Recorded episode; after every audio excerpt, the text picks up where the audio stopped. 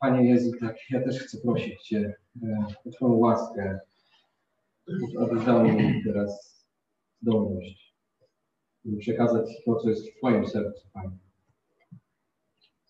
Dziękuję Ci za ten niezwykły przywilej, że mogę tutaj stać, że mogę być częścią Twojego dzieła, że mogę pokornie Tobie służyć, Panie. Proszę Cię, daj mi pokorne i posłuszne serce. Daj mu wszystkim serca, które pragną Twojego słowa, pragną Twojej mądrości. Są dobrą wlewą dla Twojego ziarna. Tobie dzisiaj oddajemy cześć i chwałę w świętym imieniu Jezusa Chrystusa. Nie wiem dlaczego, e, nie wiedziałem dlaczego.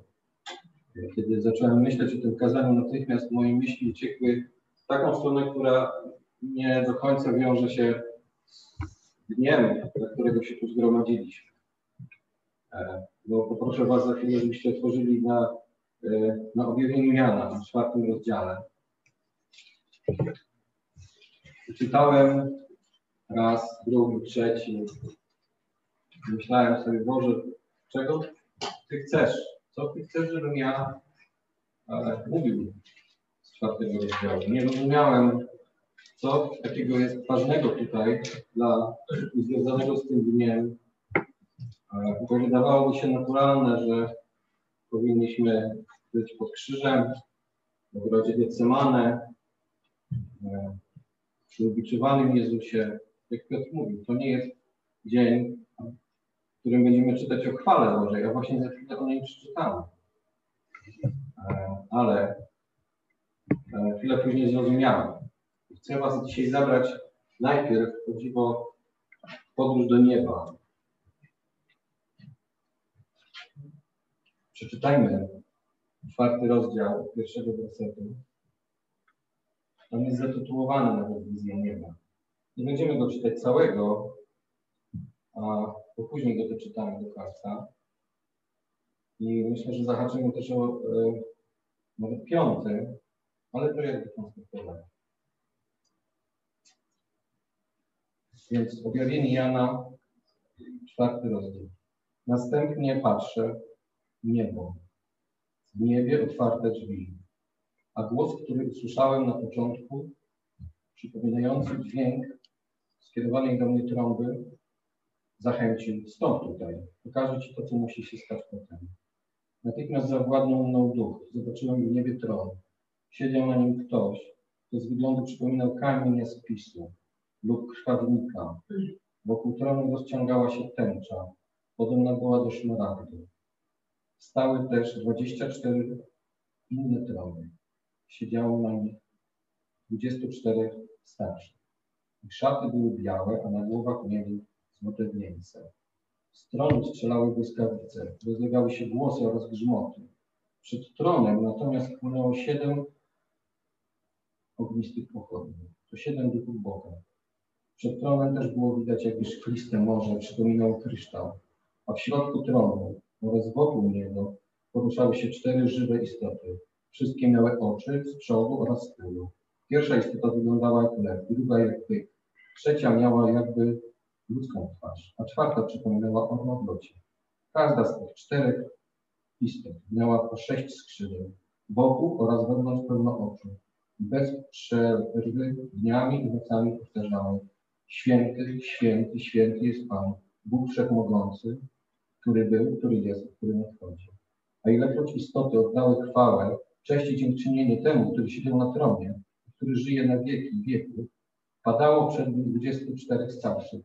Oddawali oni pokłon żyjącemu na wieki wieków i składali swoje wieńce przed tronem, wyznając Godny jesteś, nasz Panie i Boże, przyjąć chwałę i cześć i moc, ponieważ Ty stworzyłeś wszystko i dzięki Twej woli powstało i zostało stworzone. Zatrzymamy się tutaj.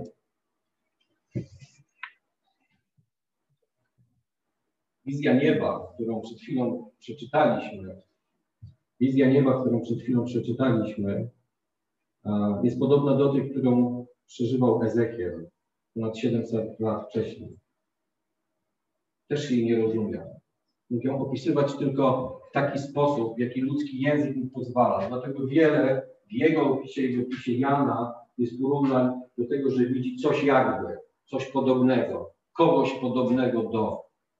To nie było łatwe prawdopodobnie, aby opisać ludzkim językiem wizję czegoś, co nie pochodzi z ludzkiego świata i co nie mieści się w ludzkiej głowie, w ludzkim rozumowaniu, nie jest w stanie opisać tego ludzki język. To było trudne. Bóg pozwolił Janowi, tak samo jak Ezekielowi wcześniej, mieć wejrzenie w niebiańską rzeczywistość. Taką prawdziwą niebiańską rzeczywistość. Cokolwiek on widział, z pewnością nie było to z tego świata i nie było do opisania ludzkim językiem.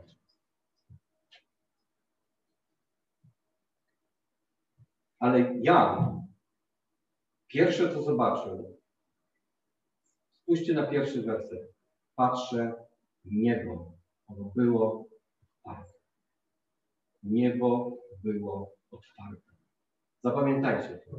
Niebo było otwarte. Jan mógł tam wejrzeć.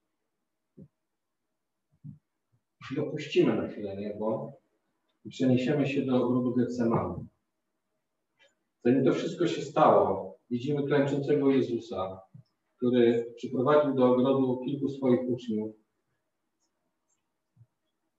I czytamy w Ewangelii Łukasza 22, od 39 rozdziału takie wersety. I wyszedłszy, udał się według zwyczaju na górę Oliwną i poszli też z nim uczniowie. A gdy przyszedł na miejsce, rzekł do nich, módlcie się, aby nie popaść w pokuszenie. A sam oddalił się od nich, jakby na rzut kamienia i patrzy na kolana modlił się, mówiąc, Ojcze, jeśli chcesz, oddał ten kielich ode mnie, wszakże nie moja, lecz Twoja wola się stanie. A ukazał mu się anioł z nieba umacniający go i śmiertelnym boju jeszcze gorliwiej się modlił i był pot jego, jak krople krwi spływające na ziemię.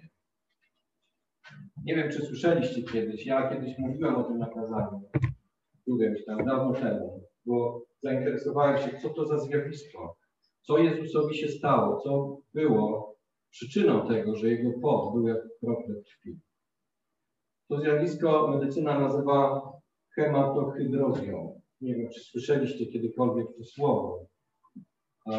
To jest bardzo rzadka choroba, na którą choruje bardzo, bardzo niewielu ludzi na świecie. Około, znanych jest około 80 przypadków ludzi, którzy chorowali kiedykolwiek na tą chorobę.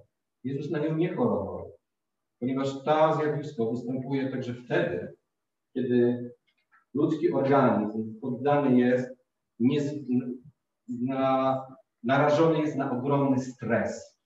Stres graniczący ze śmiercią.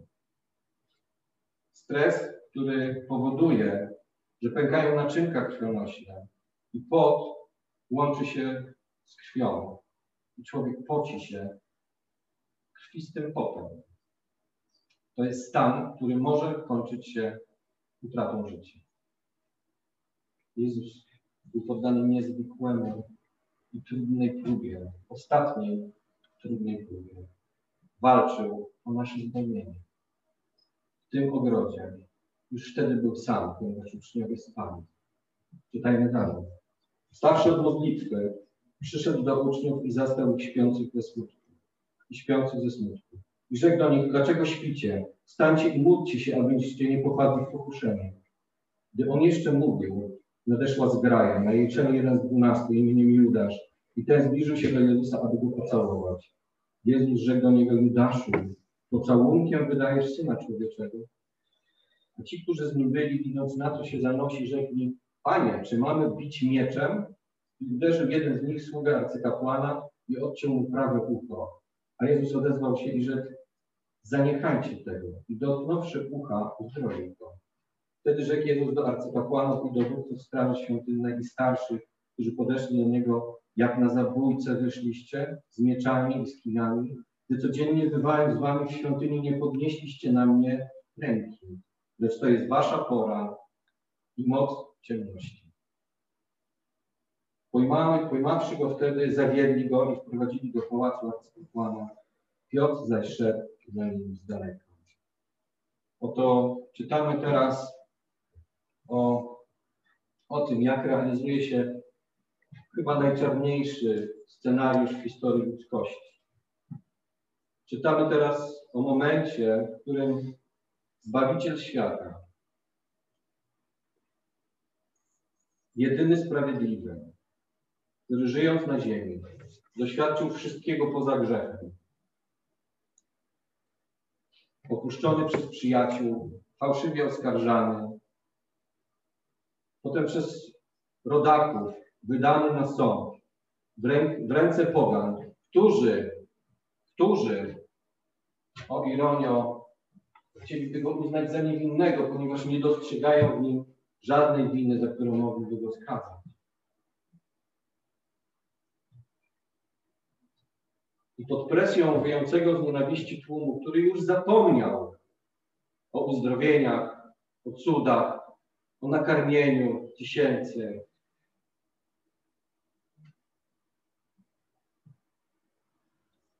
o znakach, o słowach miłości, przebaczenia. Tak jakby nigdy tego nie było. Wołają, uwolnij nam Barabasza, a tego ukrzyżuj.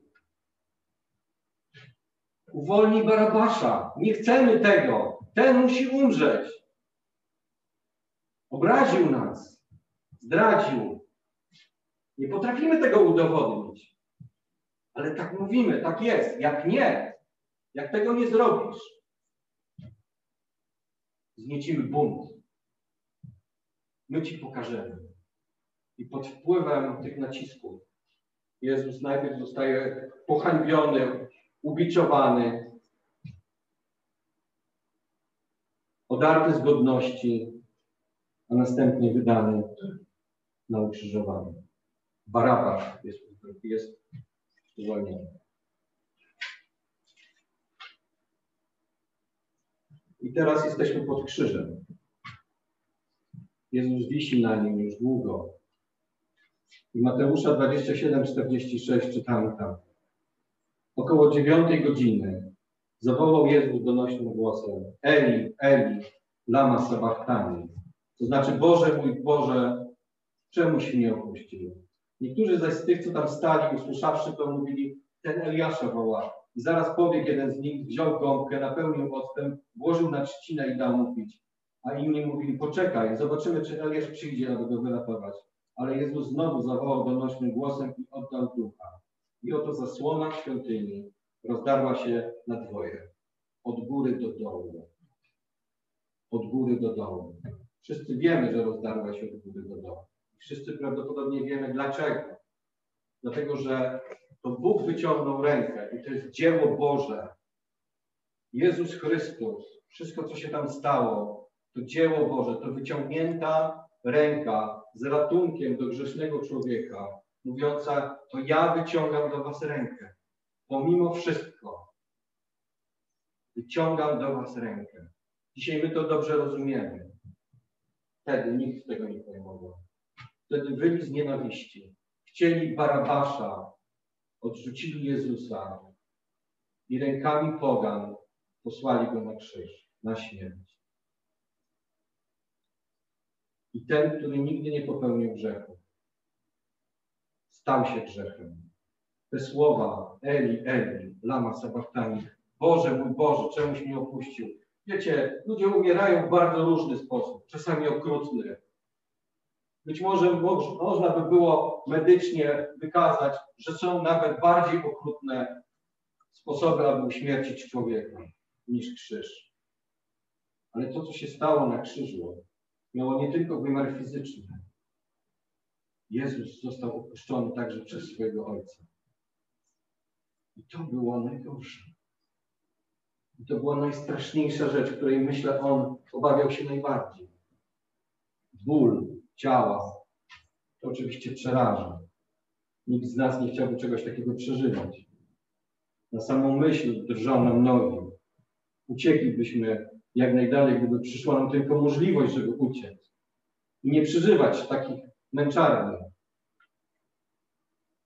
Ale to, czego Jezus najbardziej się bał, to przed czym drżał, to dlaczego błądził się krwawym potem, to była perspektywa że oto ojciec odwróci od niego swoją twarz. I zostanie zupełnie sam. Nie tylko przyjaciele, nie tylko uczniowie, nie tylko ci, którzy mu dobrze życzyli, nie tylko jego rodacy.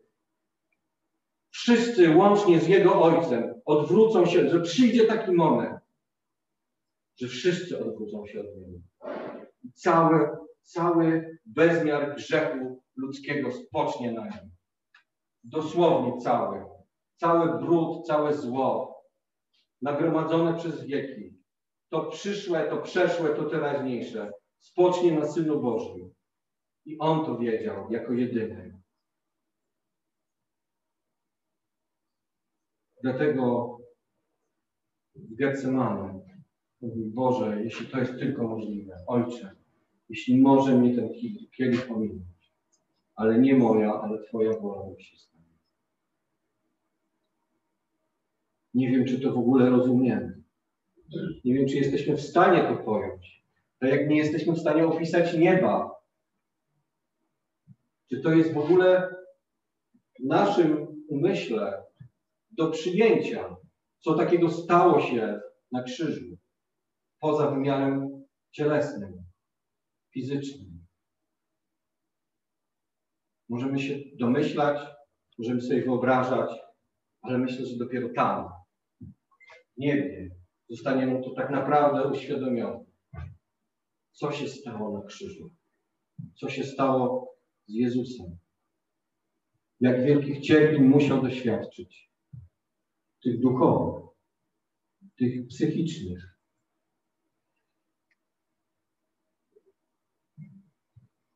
Został sam.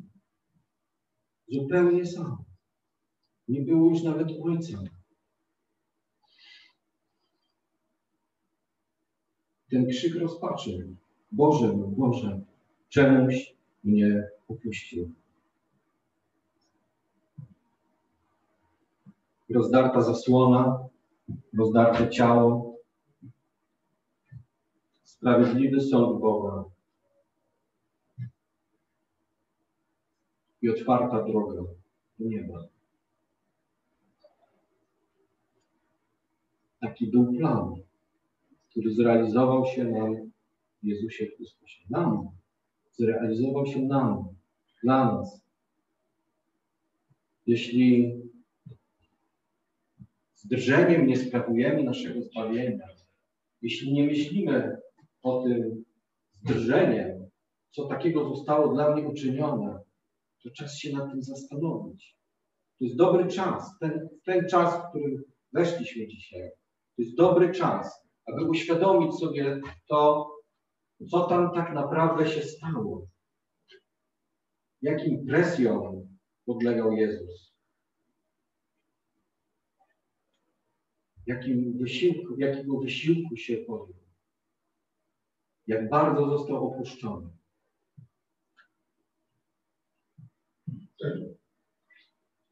Hebrajczyków 10-19 czytamy Mając więc bracia ufność, iż przez krew Jezusa mamy wstęp do świątyni, drogą nową i żywą, którą otworzył dla nas poprzez zasłonę, to jest przez ciało swoje. Mamy nową drogę do świątyni. Do świątyni. Tam, gdzie wcześniej nie było wstępu. Ale oto Jezus Chrystus otwiera nam tę drogę przez swoje złamane ciało, przez swoją przelaną krew.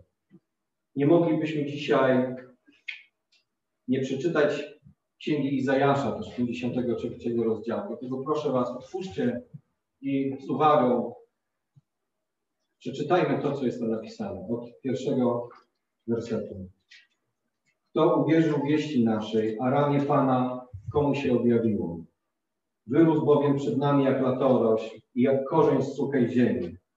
Nie miał postawy ani urody, która by pociągała nasze oczy i nie był to wygląd, który by nam się mógł podobać.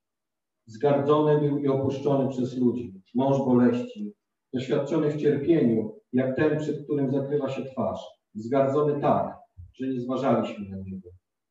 Lecz on nasze choroby nosił, nasze cierpienia wziął na siebie a my mniemaliśmy, że jest zraniony przez Boga, zbity i umęczony. Lecz On zraniony jest za występki nasze, starty za, na, za nasze winy. Ukarany został dla naszego zbawienia, a Jego ranami jesteśmy uleczeni. Wszyscy jak owce zbłądziliśmy, każdy z nas na własną drogę zboczył, a Pan Jego dotknął karą za winę nas wszystkich. Znęcano się nad Nim, lecz On znosił to w pokorze i nie otworzył swoich ust, jak jagnie na rzeź prowadzone, jak owca przed tymi, którzy ją strzygą. Zamilkł i nie otworzył swoich ust. Z więzienia i sądu zabrano go, a któż o jego losie pomyślał? Wyrwano go bowiem z krainy żyjących, za występek mojego ludu śmiertelnie został zraniony. I wyznaczono mu grób wśród bezbożnych i wśród złoczyńców jego mogiłę, chociaż bezprawia nie popełnił, ani nie było fałszu na jego ustach. Ale to Panu podobało się utrapić go cierpieniem, gdy złoży swoje życie w ofierze, ujrzy potomstwo, będzie żył długo i przez niego wola Pana się spełni. Za mękę swojej duszy ujrzy światło i jego poznaniem się nasyci. Sprawiedliwy mój sługa wielu usprawiedliwi i sam ich winy poniesie. Dlatego dał mu dział wśród wielkich i z mocarzami będzie dzielił głupy. Za to, że ofiarował na śmierć swoją duszę i do przestępców był zaliczony. On to poniósł grzech wielu i stawił się za przestępcami. To pisał Izajasz kilkaset lat wcześniej. Widząc to, co się stanie z Mesjaszem, widząc jego odrzucenie, widząc pogardę ludzi. Święty Bóg posłał swojego Syna, aby każdy, kto w Niego wierzył, nie umarł, ale miał życie wieczne. Nie po to, aby potępić świat, ale po to, aby świat został przez Niego zbawiony. Chciałbym Was teraz zabrać z powrotem do nieba. Do czwartego rozdziału do piątego rozdziału objawienia. Baranek i zwój przyszłych dziejów. Od pierwszego wersetu. W prawej ręce tego, który siedział na tronie, zobaczyłem zwój. Był zapisany wewnątrz i na zewnątrz, a nosił siedem pieczęci. Zobaczyłem też potężnego anioła. Pytał on donośnym głosem, kto jest godny rozwinąć zwój i zerwać jego pieczęcie. I nikt w niebie i na ziemi i pod ziemią nie mógł rozwinąć zwoju ani do niego zajrzeć. Z tego powodu gorzko zapłakałem. Ogarnął mnie żal, że nie znalazł się nigdy godny rozwinięcia zwoju i zajrzenia do niego. Wtedy zwrócił się do mnie jeden ze starszych, mówiąc, przestań płakać. Oto zwyciężył lew z plemienia Judy, korzeń Dawida. On może rozwinąć zwój i zdjąć jego siedem pieczęci. Wtedy zobaczyłem baranka, jakby zabitego. Stał między tronem i czterema istotami oraz między starszymi. Miał siedem rogów i siedmioro oczu, które są siedmioma duchami Boga, rozesłanymi na całą ziemię. Podszedł on i wziął zwój z prawej ręki, tego, który siedział na tronie. Gdy baranek przejął zwój, upadły przed nim cztery istoty. Upadło też dwudziestu czterech starszych który, których każdy miał cytrę oraz złotą czaszę, napełnioną wolnościami, czyli modlitwami świętych. Zaśpiewali oni nową pieśń tej treści. Godny jesteś wziąć zwój i zdjąć jego pieczęcie, gdyż byłeś zabity, a swoją krwią nabyłeś dla Boga ludzi z każdego plemienia, języka, ludu i narodu. Uczyniłeś ich dla Boga królestwem i kapłanami. Będą oni królować na ziemi. Wówczas usłyszałem głos wielu aniołów. Otaczali oni tron, istoty oraz starszych, a ich liczba wynosiła miliardy miliard, tysiące tysięcy. Ogłaszali donioślaj. Godny jest zabity baranek, wziąć moc i bogactwo, mądrość i siłę, cześć i chwałę i uznanie. Słyszałem też, jak wszelkie stworzenie w niebie i na ziemi, i pod ziemią, i w morzu, wszystko, co je napełnia, wtórowało temu, który siedzi na tronie oraz barankowi uznanie, cześć, chwała i moc na wieki. Cztery istoty natomiast powtarzały Amen, a starsi upadli i złożyli mu pokój. Znowu jesteśmy w niebie. I teraz baranek, który był zabity, a żyje. ten, któremu należna jest cześć i chwała, mógł wziąć zwój, którego nikt nie był w stanie wcześniej wziąć i zerwać pieczęcie. Cokolwiek to znaczy, nie będziemy teraz rozważać objawienia Jana, bo to trudna księga. Czytałem kilka komentarzy i wszyscy są zgodni. Objawienie nie jest łatwą księgą, ale prosty wniosek, który wynika z tych dwóch obrazów, które widzimy, wcześniejszy z czwartego rozdziału piątego, pokazuje nam, że oto w piątym rozdziale jest już baranek, który był zabity, a żyje i on jest godzien. W nim jest rozwiązanie. W nim niebo znalazło rozwiązanie na palący problem ludzkiego grzechu. I oto, tak jak Jan napisał w pierwszym wersecie, oto niebo jest otwarte. Bez tego, co uczynił Jezus, niebo nie byłoby otwarte. Jan nie mógłby tam zaglądnąć. Żylibyśmy nadal w naszych grzechach. Musielibyśmy przestrzegać dziesięciu przykazań, trzymać się tego ściśle, a gdybyśmy chociaż jednemu, jednemu nie dali rady, poszlibyśmy do piekła. Czy rozumiemy to dobrze? Jeśli ktoś wypełni wszystkie, ale choć jednemu nie sprosta. List do Jakuba. Nie dostanie się do niego. Dlatego ukryci w Chrystusie, wierzący w, tym, w to, co się stało na krzyżu, możemy z ufną odwagą przychodzić do tronu łaski. Możemy mówić chwała barankowi, temu, który był zabity, ale żyje. Bo niebo jest otwarte. Zasłona jest rozerwana od góry do dołu. To nie nasza zasługa. Nic nie mogliśmy z tym zrobić. Nic do tego nie dodaliśmy. Nic nie możemy do tego dodać. Bo oto święty Bóg skazał swojego syna na śmierć ciele i w duchu. Jezus został opuszczony przez wszystkich dla naszego zbawienia. Nie było przy nim nikogo, dosłownie. Cierpiał sam. Poniósł nasze grzechy sam. Z woli Ojca, całkowitej zgody. Jako niewinny, czysty baranek Boży. Ale oto w niebie widzimy go już innego. Jest godny. Padają przed nim starcy, starsi. Niebo brzmi chwałą dla baranka, bo oto zapłaci swoim życiem za nasze grzechy. I dzisiaj jesteśmy owocem tego, co On uczynił, jako Kościół, jako wierzący, jako świadomie wierzący, narodzeni na nowo ludzie. To jest Jego chwała. Zróbmy wszystko, aby Bóg mógł się na nich chlubić. Aby mógł powiedzieć, to jest Synu. Ojciec mógłby powiedzieć do, do swojego Syna, Synu, to jest owoc tego, co uczyniłeś. Czy widzisz to? Oni dzięki Tobie żyją. Dzięki Tobie wierzą. Dzięki Tobie wiedzą o tym, że drzwi do nieba są otwarte. W niebie jest radość. Tak jak Piotr dzisiaj mówił, że właściwie powinniśmy się smucić, ale to są, to jest, to jest taki smutek, który musi przemienić się w radość, bo Jezus zwycięży. Jezus zwycięży. Będziemy o tym mówić w niedzielę. Dzisiaj dziękujemy Mu za to, co uczynił na krzyżu.